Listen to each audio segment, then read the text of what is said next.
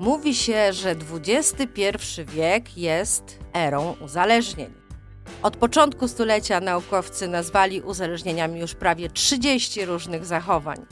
I ta lista zdaje się nie mieć końca, a media, media prześcigają się więc w opisaniu kolejnych z nich.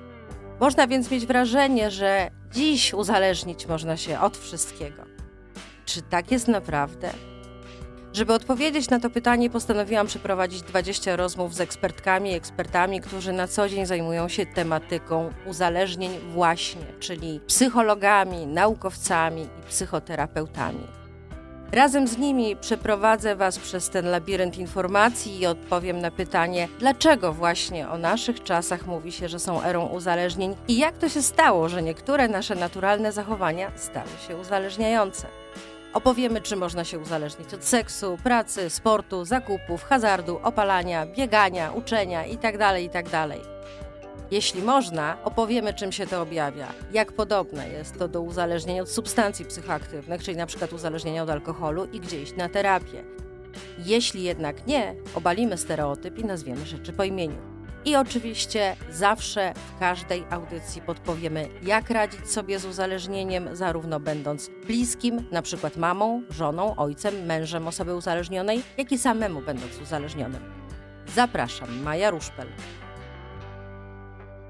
Przed mikrofonem Maja Ruszpel, witam w podcaście o hazardzie i innych nałogach. Dzisiaj ze mną jest Łukasz Wieczorek, a powinnam właściwie powiedzieć profesor Łukasz Wieczorek z Instytutu Psychiatrii i Neurologii. Dzień dobry.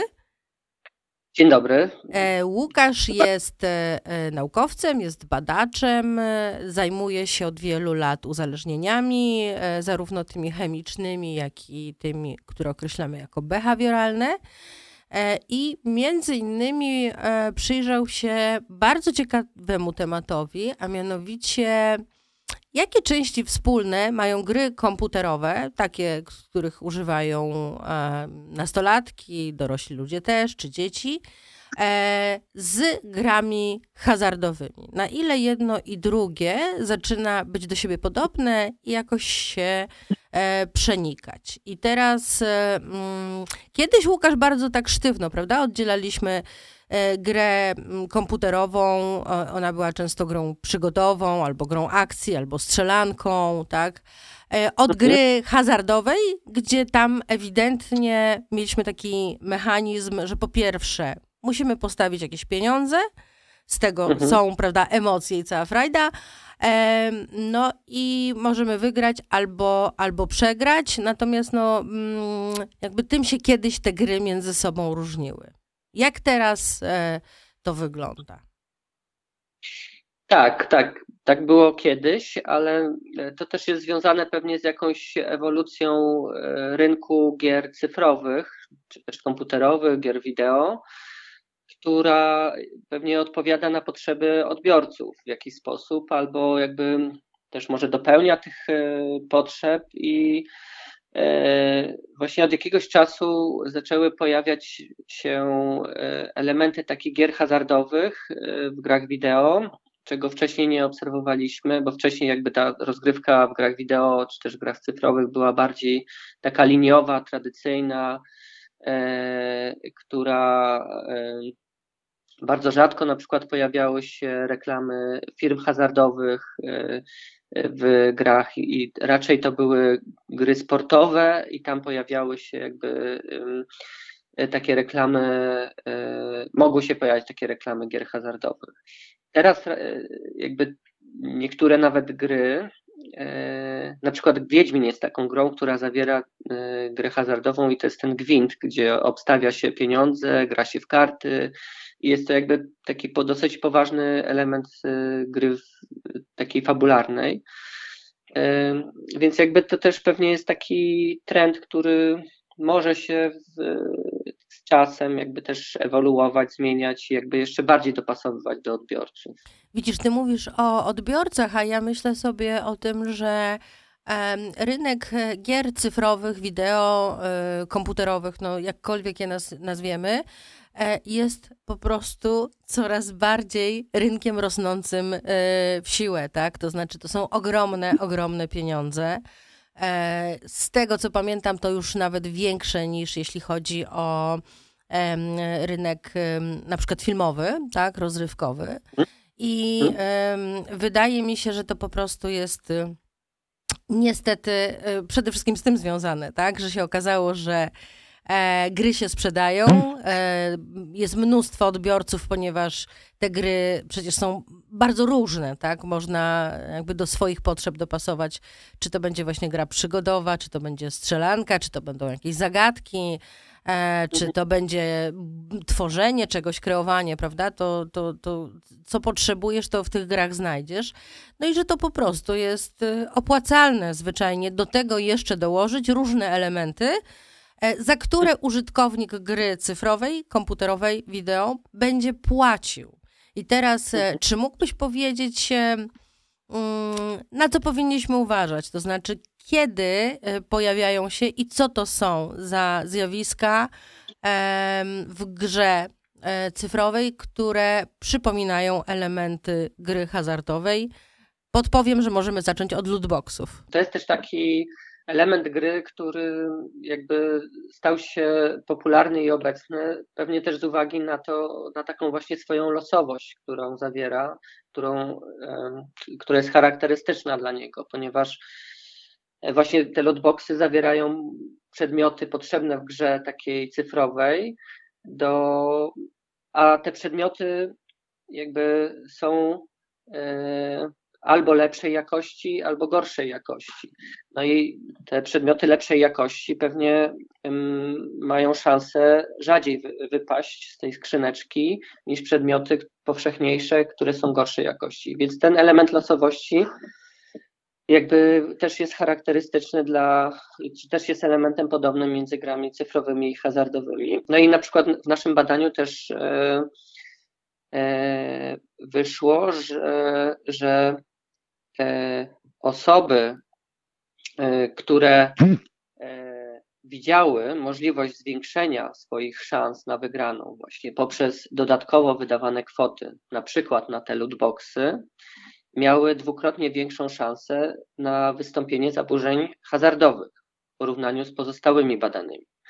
Więc to jest taki element, który jakby zwiększał prawdopodobieństwo tego, że osoby, które kupują te lootboxy, które wydają pieniądze, żeby poprawić swoją, y, swoją pozycję w grze, jakby będą mm, mogły mieć problem w przyszłości z y, jakimiś zaburzeniami hazardowymi.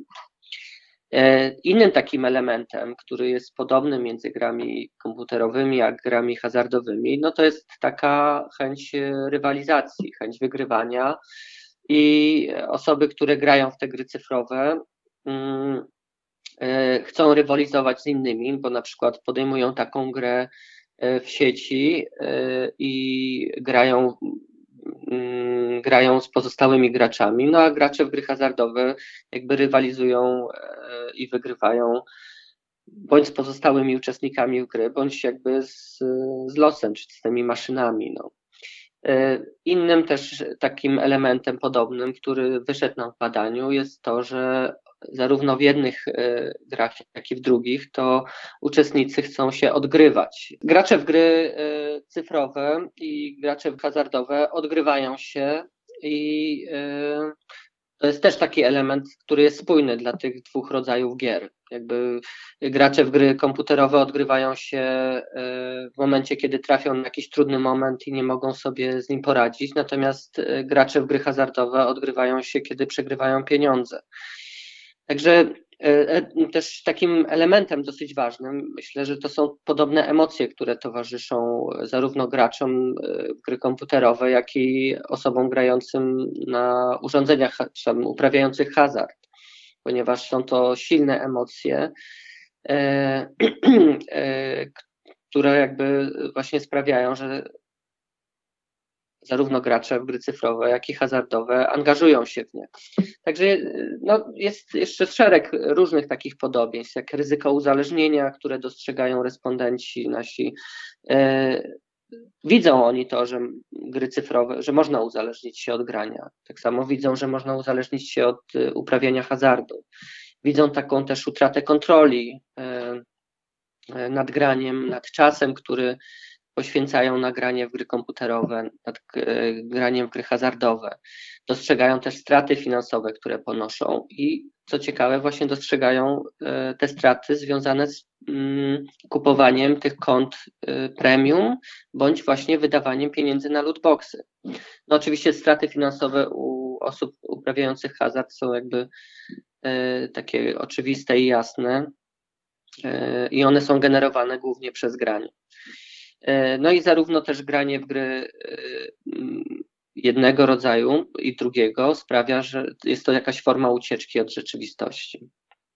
Słuchaj, to... mhm, chciałabym, chciałabym się ciebie e, zapytać o taką rzecz, bo mm, niestety w naszych czasach jest tak, że gry hazardowe w internecie generalnie poza tam kilkoma wyjątkami typu polskie firmy oferujące zakłady bukmacherskie czy polskie kasyno, to to, co jest w internecie dostępne jako gry hazardowe, jest nielegalne. To znaczy, y, trzeba mieć koncesję, którą tutaj y, polskie państwo przyznaje. Natomiast e, to, że one są nielegalne, wcale nie znaczy, że ich nie ma. I mhm. są też strony internetowe z hazardem, które uwaga, uwaga, wyglądają jak strony dla dziesięcioletnich dzieci. To znaczy, nigdy byś nie wpadł na to, że ta grafika e, to jest e, adresowana do dorosłego człowieka, który jest pełnoletni i wie, czym jest hazard, ponieważ ja widziałam strony, gdzie mm, obrazki są po prostu jak z bajek dla dzieci, z kreskówek.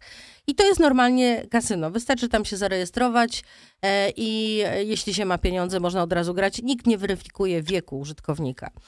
E, I mhm. teraz e, mnie się wydaje, że jeżeli tak to wygląda, to takiemu młodemu człowiekowi właściwie jest bardzo łatwo pomylić, prawda? Grę hazardową z grą, na której, z której mógłby korzystać grając na komputerze czy, czy na smartfonie. E, I te mm, mechanizmy, na przykład właśnie ten lootbox, o którym wspominałeś, e, no to one są, ja bym powiedziała, bardzo podobne do, mm, no na przykład jak są gry na automatach, tak? To znaczy też trzeba pamiętać, że zarówno na automatach, jak i w grze komputerowej e, jest tak, że są bardzo silne bodźce, tak? I wizualne, i dźwiękowe. I też, prawda, jest to zaprojektowane. Ta gra jest zaprojektowana w taki sposób, żeby człowieka jednak wciągała, tak? Czyli jest jakaś mhm. dramaturgia, nie? Jakiś scenariusz. I tak samo jest z tymi lootboxami, że one nie są od tak po prostu się pojawiają, tylko na przykład w odpowiednich momentach danej gry. E, I teraz mhm. tak się zastanawiam, co powinni wiedzieć na ten temat rodzice, tak? Jeżeli, jeżeli mamy taką sytuację, że ten świat gier hazardowych i komputerowych powoli zaczyna się e, zlewać, już pomijając kwestie finansowe, prawda, że, że znamy historię z mediów, że z powodu lootboxów e, jakiś e, nastolatek e, bardzo dużo pieniędzy wydał z karty kredytowej mamy, to przede mhm. wszystkim co rodzice powinni wiedzieć, na przykład kiedy chcą kupić daną grę, albo o, o czym powinni z dziećmi rozmawiać? Czy moglibyśmy tak poradniczo tutaj e, mhm. przez chwilę porozmawiać? No, rodzice przede wszystkim pewnie powinni się interesować tym, e, tym, w co ich dzieci grają i do czego używają telefonów, czy jak spędzają czas na komputerze. E, ale pewnie jest to jakiś taki element, który ich dodatkowo by obciążał. No ale myślę, że bez takiego zainteresowania ze strony rodziców no, będzie trudno uchronić dzieci przed tym właśnie, żeby wchodziły w ten świat y, gier hazardowych poprzez uczestnictwo w bardzo podobnych do nich grach y, cyfrowych. E, no i tak jak mm, ja sobie myślę, że jakby przede wszystkim rodzice powinni rozmawiać z dziećmi o tym, o zakupach dodatków w grach i o, powinni wziąć na siebie tą odpowiedzialność, aby dzieci nie instalowały tych gier na telefonach, które są jakby podobne do tych gier cyfrowych, hazardowych jakby też powinni oni nadzorować te aplikacje instalowane na telefonach czy też na komputerach, nie udostępniać haseł mm, do sklepów internetowych, jakby usuwać numery kart kredytowych e, zapisane na telefonie. No pewnie jest szereg takich strategii, które powinni rodzice wdrożyć, no ale przede wszystkim powinni się rozeznać. Myślę, że jest to trudne też po pierwsze z tego powodu, że operatorzy gier cyfrowych nie informują pewnie o tym, że gra zawiera treści hazardowe i z jakim ryzykiem to się wiąże. A po drugie, e, pewnie też e, e, rodzice powinni jakby też interesować się tym, co kupują te ich dzieci. No więc jakby wydaje mi się, że bez takiego zaangażowania rodziców tutaj bardzo ciężko byłoby mm, podjąć jakieś takie działania profilaktyczne czy też prewencyjne, mające na celu ograniczenie zaangażowania w tak, na pewno, tylko że często, y, tak jak ja obserwuję rodziców, bo zdarza mi się mm, współpracować ze szkołami i e, prowadzić warsztaty takie profilaktyczne dla rodziców. Jak ja rozmawiam z rodzicami, to mam takie poczucie, że oni bardzo rzadko mają w ogóle świadomość, że coś takiego jest. E, I akurat y, nie we wszystkich państwach, jest część państw na świecie, gdzie mm, prawo w tych państwach zobowiązuje producenta gier, czy też dystrybutora, zobowiązuje do tego, żeby informował, e, ta gra zawiera elementy e, hazardu i to może przynieść takie i takie szkody, tak? Mhm. Ale to nie jest, to nie jest we wszystkich krajach, to nie jest obowiązkowe, to nie jest wszędzie. Mhm. I mm, zastanawiam się nad tym, co poza na przykład, tak, na, na jakie jeszcze elementy gier, mówiąc tak zupełnie konkretnie, warto, żeby, żeby rodzice zwracali uwagę. Poza lootboxami, to co by to jeszcze miało być? No bo te lootboxy to są skrzynki, tak, skrzynka z no. taką niespodzianką, nie? Skrzynka z łupami, tak? Mhm. E, czyli tam jest element losowy, trzeba zapłacić, prawda, żeby e, móc wziąć udział w tym losowaniu i można dostać coś super z tej skrzynki albo nic, nie? A mhm. co jeszcze, tak patrząc na to tak bardzo konkretnie, na elementy gier, to co by to jeszcze mogło być? E, na co rodzice powinni zwrócić uwagę? Mhm. Hmm. I mieć świadomość, prawda, że takie elementy w ogóle są w grze, bo jeśli oni nie grają w te gry, no to trudno, żeby wiedzieli. Mhm. Znaczy, no e, właśnie jakby powinni posłuchać tej audycji, tak? tak, no po to ją robimy. Dowiedzieć, dowiedzieć że takie mhm. elementy pojawiają się w grach e, komputerowych. Też jak, mm, myślę, że powinni się interesować tym, czy właśnie ich dzieci wpłacają jakby e, mm, realne pieniądze na swoje wirtualne konta e, w tej grze i czy je wydają właśnie na kupowanie jakichś skinów, czy dodatkowego wyposażenia postaci, czy na upgrade swojej postaci do jakiegoś lepszego poziomu, czy kupują jakieś e, elementy, które pozwalają im poprawić funkcjonalności w grze. No, pewnie jest, się to wiąże z wydawaniem środków, mhm. ale właśnie też chcę zwrócić uwagę na te e, wirtualne pieniądze, ponieważ często jest w, grze, w grach tak, że że jakby na początku grania te pieniądze realne w ogóle nie są potrzebne, ponieważ są te zachętą do uprawiania, czy też do angażowania się w tej grze są pieniądze wirtualne i taka wirtualna waluta, która obowiązuje jakby, która też może być wykorzystywana do zakupów w grze, ale później może jej zabraknąć, tak, i trzeba będzie sobie jakoś ją uzupełnić. E, więc oprócz tego, że no, że rodzice powinni się interesować, że na opakowaniach gier powinny być takie informacje o tym, że ta gra zawiera elementy hazardu, że jakby powinna być e, taka prowadzona jakieś oddziaływania edukacyjne, informacyjne, e, uświadamiające e, dla, dla rodziców. No to myślę, że bez takiego zaangażowania rodziców w ogóle to jakby nie ma, nie ma sensu. No mhm. No i, Właściwie Jakby... wychodzi, wychodzi na to, wiesz co, przepraszam, że ci weszłam w słowo, ale wychodzi na to, że najlepiej to by było, żeby rodzic sam zagrał razem z dzieckiem, prawda? I żeby zobaczył, na czym ta gra polega, nie?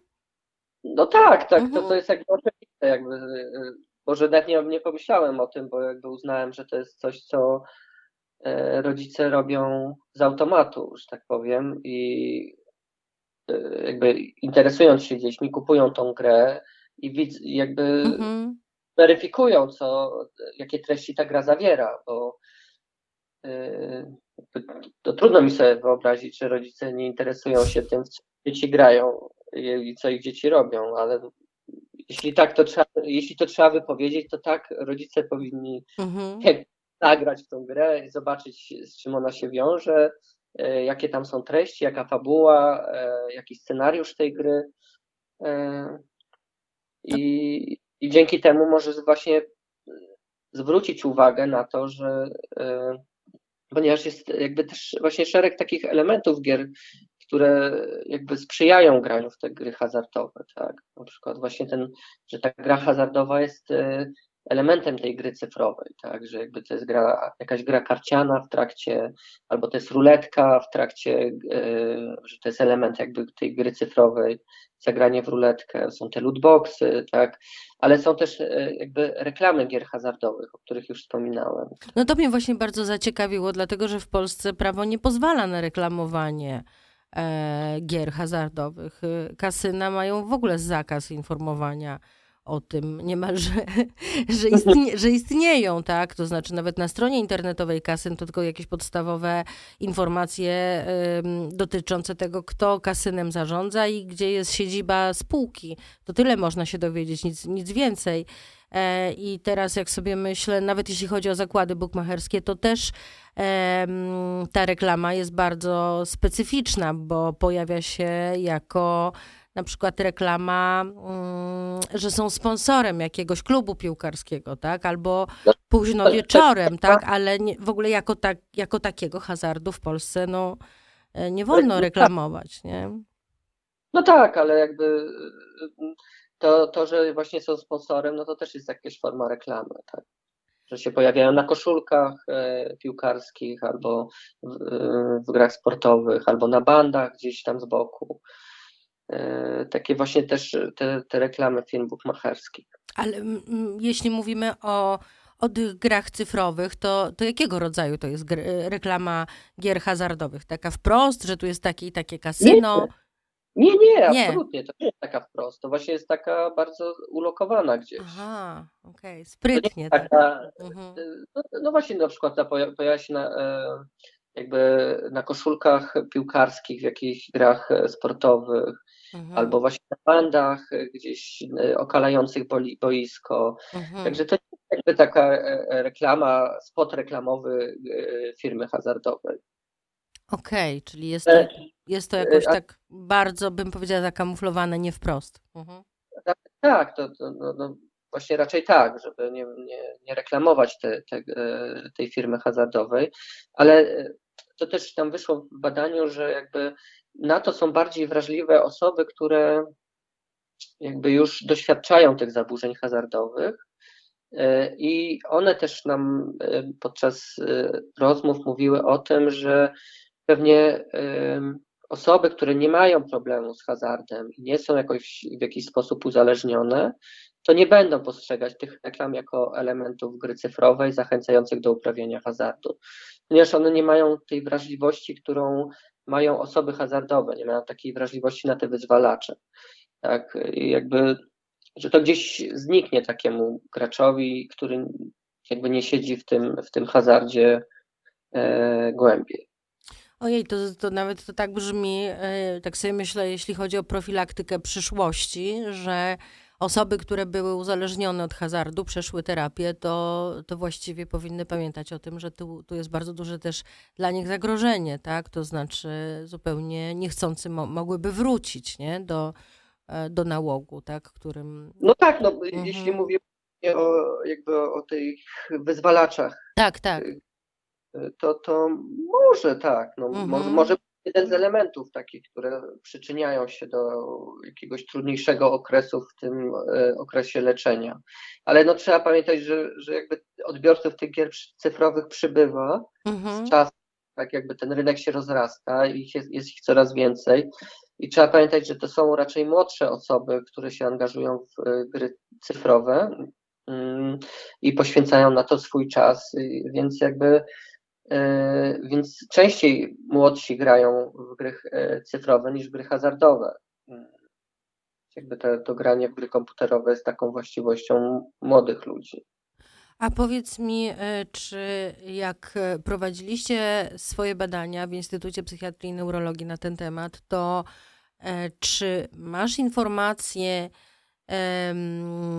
czy to się dało zbadać? Ile tych młodych osób, które najpierw grało w gry cyfrowe, z czasem e, zainteresowało się grami hazardowymi? Jak jedno na drugie, jedno zjawisko na drugie wpływało?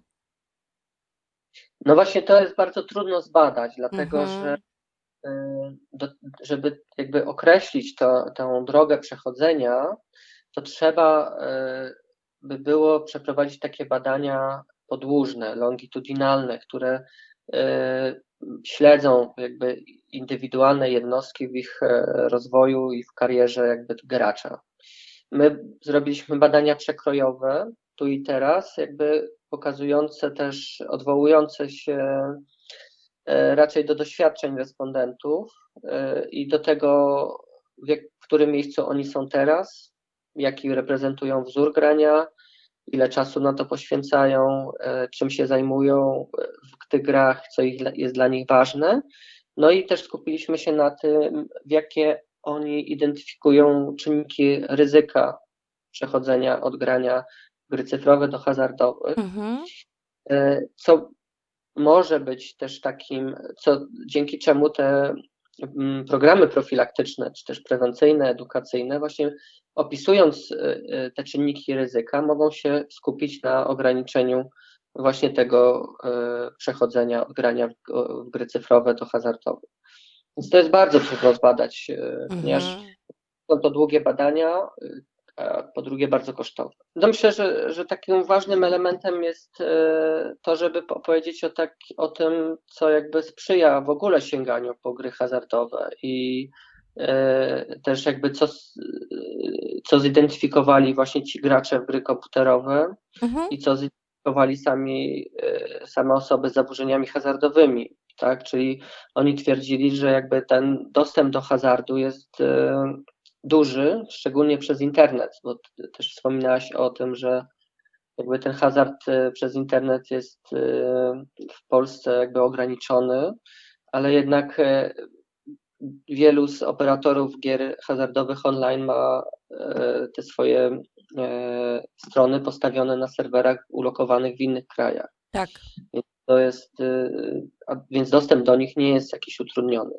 Dodatkowo też ta dostępność jest ogranic- też jest zwiększana poprzez brak weryfikacji wieku, a nawet jakby jeśli operator by E, oczekiwał jakiejś deklaracji, no to pewnie nie jest problemem to, żeby zadeklarować więcej swoją pełnoletność. Tak?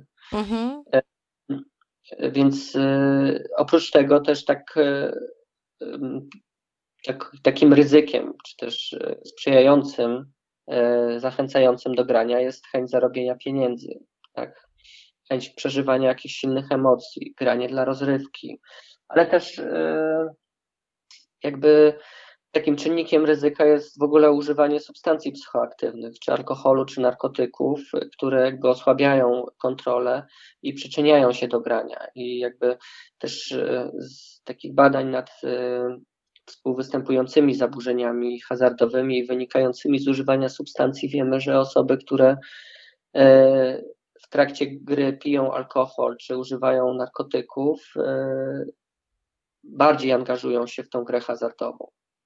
Mm, więc jakby to też jest taki czynnik ryzyka przyczyniających się do uprawiania hazardu.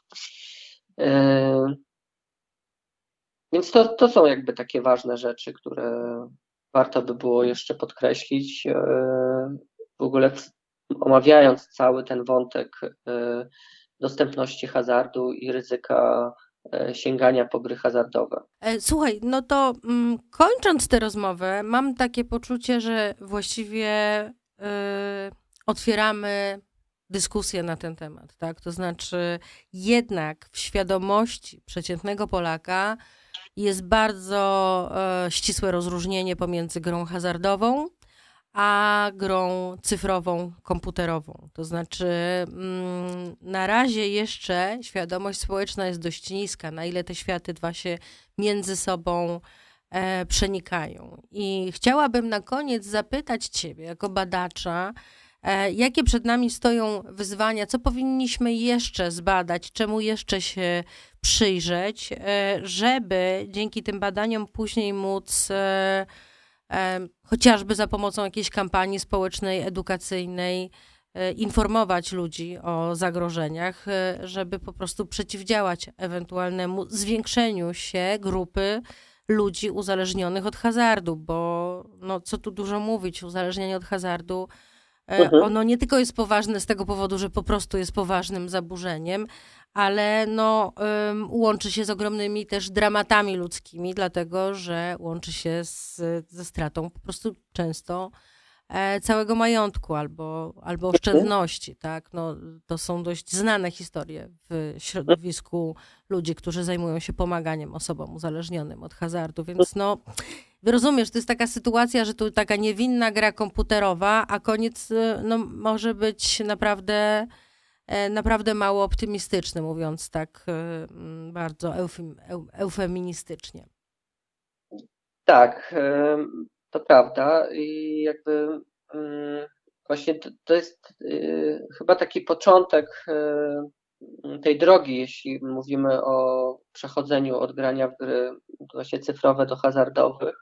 I myślę, że tu jest konieczność po prostu monitorowania tego zjawiska i e, przyglądania się temu, w jaki sposób ten, te gry cyfrowe wyglądają, jak one się zmieniają, w jaki sposób jakby ta, ten, te elementy hazardu ewoluują ale też myślę, że jest, y, warto by było się przyjrzeć y, właśnie dostępności do samych tych gier cyfrowych dla osób młodych, dla młodzieży, ale też nie tylko tych tradycyjnych takich gier, czy to na komputer, na konsolę, ale też tych gier takich społecznościowych, które są dostępne online i które właśnie jakby nie weryfikują, czy to wieku, czy nie weryfikują w żaden sposób jakby wiedzy rodziców o tym, że ich dzieci grają w te gry. Więc jakby ten rynek gier online jest też taki chyba niepoznany. Więc jakby to przyjrzenie się temu zjawisku też jest dosyć ważne. Myślę, że też jest ważne to, żeby jakby zająć się może trochę takim sposobem regulacji prawnej w ogóle tych gier online, nie tylko gier cyfrowych, ale też gier hazardowych, do których jest łatwy dostęp i jakby próba y, właśnie, y, ale wydaje mi się, że to musi być już na poziomie takim europejskim, bo, ponieważ żeby uniknąć sytuacji, że serwery są lokowane w innych krajach, tak żeby ta dostępność do tych gier hazardowych czy do gier cyfrowych była ograniczona. Więc żeby wypracować takie mechanizmy prawne, które by pozwoliły jakby ograniczenie dostępu dla nieletnich, dla osób niepełnoletnich. Mm. Tak, tak, tak, zgadzam się z tym absolutnie. Ja mogę Ci powiedzieć, że kiedy prowadzę szkolenia mm, dotyczące takiego wątku, który się nazywa odpowiedzialną grą, czyli jak firmy hazardowe mogą przeciwdziałać uzależnieniu od hazardu u swoich klientów, to mhm. Mm, kiedy zapraszam ekspertów zagranicznych do poprowadzenia tych szkoleń, to oni wszyscy, jak jeden mąż, mówią o lootboxach, że to jest y, wyzwanie także E, tutaj jakby dla naszego świata, jakby osób, które się zajmują właśnie uzależnieniem od, e, od hazardu, tak? I faktycznie te regulacje prawne, czy też kampania społeczna, to myślę sobie, że bardzo, bardzo by się przydały. Tak, właśnie chciałem jeszcze powiedzieć o takiej e, kampanii profilaktycznej czy edukacyjnej, takiej społecznej, w ogóle informującej o tym, że, że ryzyko w gry, grania w gry cyfrowe i wykorzystywania do tego, czy na przykład tych lootboxów, sprawia, że jest większa szansa na to, że tam ci gracze zaczną grać w gry hazardowe. Jakby to powinno być też elementem takich kampanii, ale też e, dostrzegam, że ch chyba powoli to się dzieje, że jakby te działania Krajowego Centrum Przeciwdziałania Uzależnień e, jakby są trochę też już skierowane w tą stronę, żeby e, mówić o tych ryzykach związanych z obecnością lootboxów w grach, z ryzykiem właśnie grania w gry hazardowe online, z ryzykiem właśnie grania w takie e, gry społecznościowe i wykorzystania do tego e, środków pieniężnych. Także to też jest dobry kierunek, w którym to zmierza. Okej, okay, bardzo dziękuję Ci za tę rozmowę i trzymam kciuki za kolejne badania na ten temat. Moim gościem był profesor Łukasz Wieczorek z Instytutu Psychiatrii i Neurologii. Bardzo dziękuję za zaproszenie. Było bardzo miło porozmawiać o tym. Dziękuję bardzo. Drodzy słuchacze i drogie słuchaczki, jeśli poszukujecie pomocy, możecie ją uzyskać anonimowo i nieodpłatnie i to w kilku miejscach. Oto one. Pierwszym takim miejscem jest telefon zaufania numer 801 889 880. Kto może skorzystać z pomocy telefonu zaufania? Przede wszystkim osoby, które mają problem z uzależnieniem od czynności lub po prostu zastanawiają się, czego mają, ale także ich bliscy, rodziny, przyjaciele, znajomi. Infolinia jest czynna codziennie w godzinach od 17 do 22, z wyjątkiem świąt. Kolejnym miejscem jest poradnia internetowa. Uwaga, podaję adres www.uzależnieniabehawioralne.pl. Tutaj konsultacji Także anonimowo i nieodpłatnie udzielają psycholog, pedagog, prawnik oraz specjaliści terapii uzależnień. Jest także możliwość połączenia się poprzez komunikator Skype. Jeśli zaś chcecie spotkać się z terapeutą uzależnień bezpośrednio, w znalezieniu placówek, które udzielają takiej pomocy, może Wam także pomóc informator, który można pobrać w internecie. Wystarczy wpisać do wyszukiwarki jego nazwę. Informator o placówkach udzielających pomocy w zakresie uzależnienia od hazardu i innych uzależnień behawioralnych. Projekt jest finansowany ze środków Funduszu Rozwiązywania Problemów Hazardowych, będących w dyspozycji Ministra Zdrowia w ramach konkursu przeprowadzonego przez Krajowe Biuro do Spraw Przeciwdziałania Narkomanii.